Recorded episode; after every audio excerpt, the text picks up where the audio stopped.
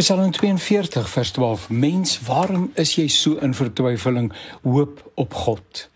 Suid-Afrika kan 'n mens uitermate moedeloos maak oor die goed wat verkeerd is. En dat daar baie skort met ons liewe land is nie altemit nie. Dis bitter onveilig. En wanneer 'n mens hoor van die Duitse toerist wat dig by Numbi Hek by die nasionale kreerwiltuin vermoor is, wil jou kop in skaamte laat sak teenoor die internasionale wêreld. Dit geld ook vir die jong vrou wat deur drie mans verkrag en toe aan die brand gesteek is. Hoe is dit moontlik?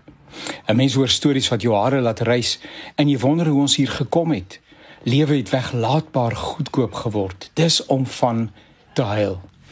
En dan lees jy weer merkwaardige stories van welwillendheid en omgee, vriendelikheid en medemenslikheid.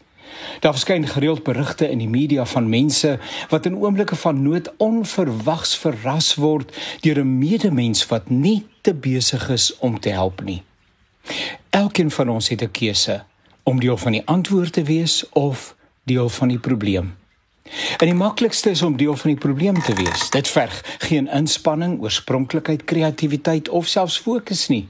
Die verkeerde is onstellend naby aan ons en in ons. Dit kom sommer van self.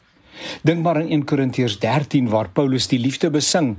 En hy kontrasteer liefde met dit wat nie liefde is nie: onvriendelikheid, onverdraagsaamheid, vooroordeel, onvergewensgesindheid, sleg sê. En dit alles gebeur sommer so alledaags. Dit verteenwoordig die breë pad. Die smal pad loop moeilik. Daar's vele dinge wat ontmoedig. Jy loop die gevaar om sleg gesê te word.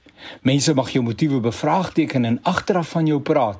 Maar die vraag is of jy gefokus sal bly onbeskaamd deel van die antwoord, die genesing, die oplossing, die heel word van ons stikkende land Suid-Afrika. Die keuse is joune. Hoe dink jy daaroor?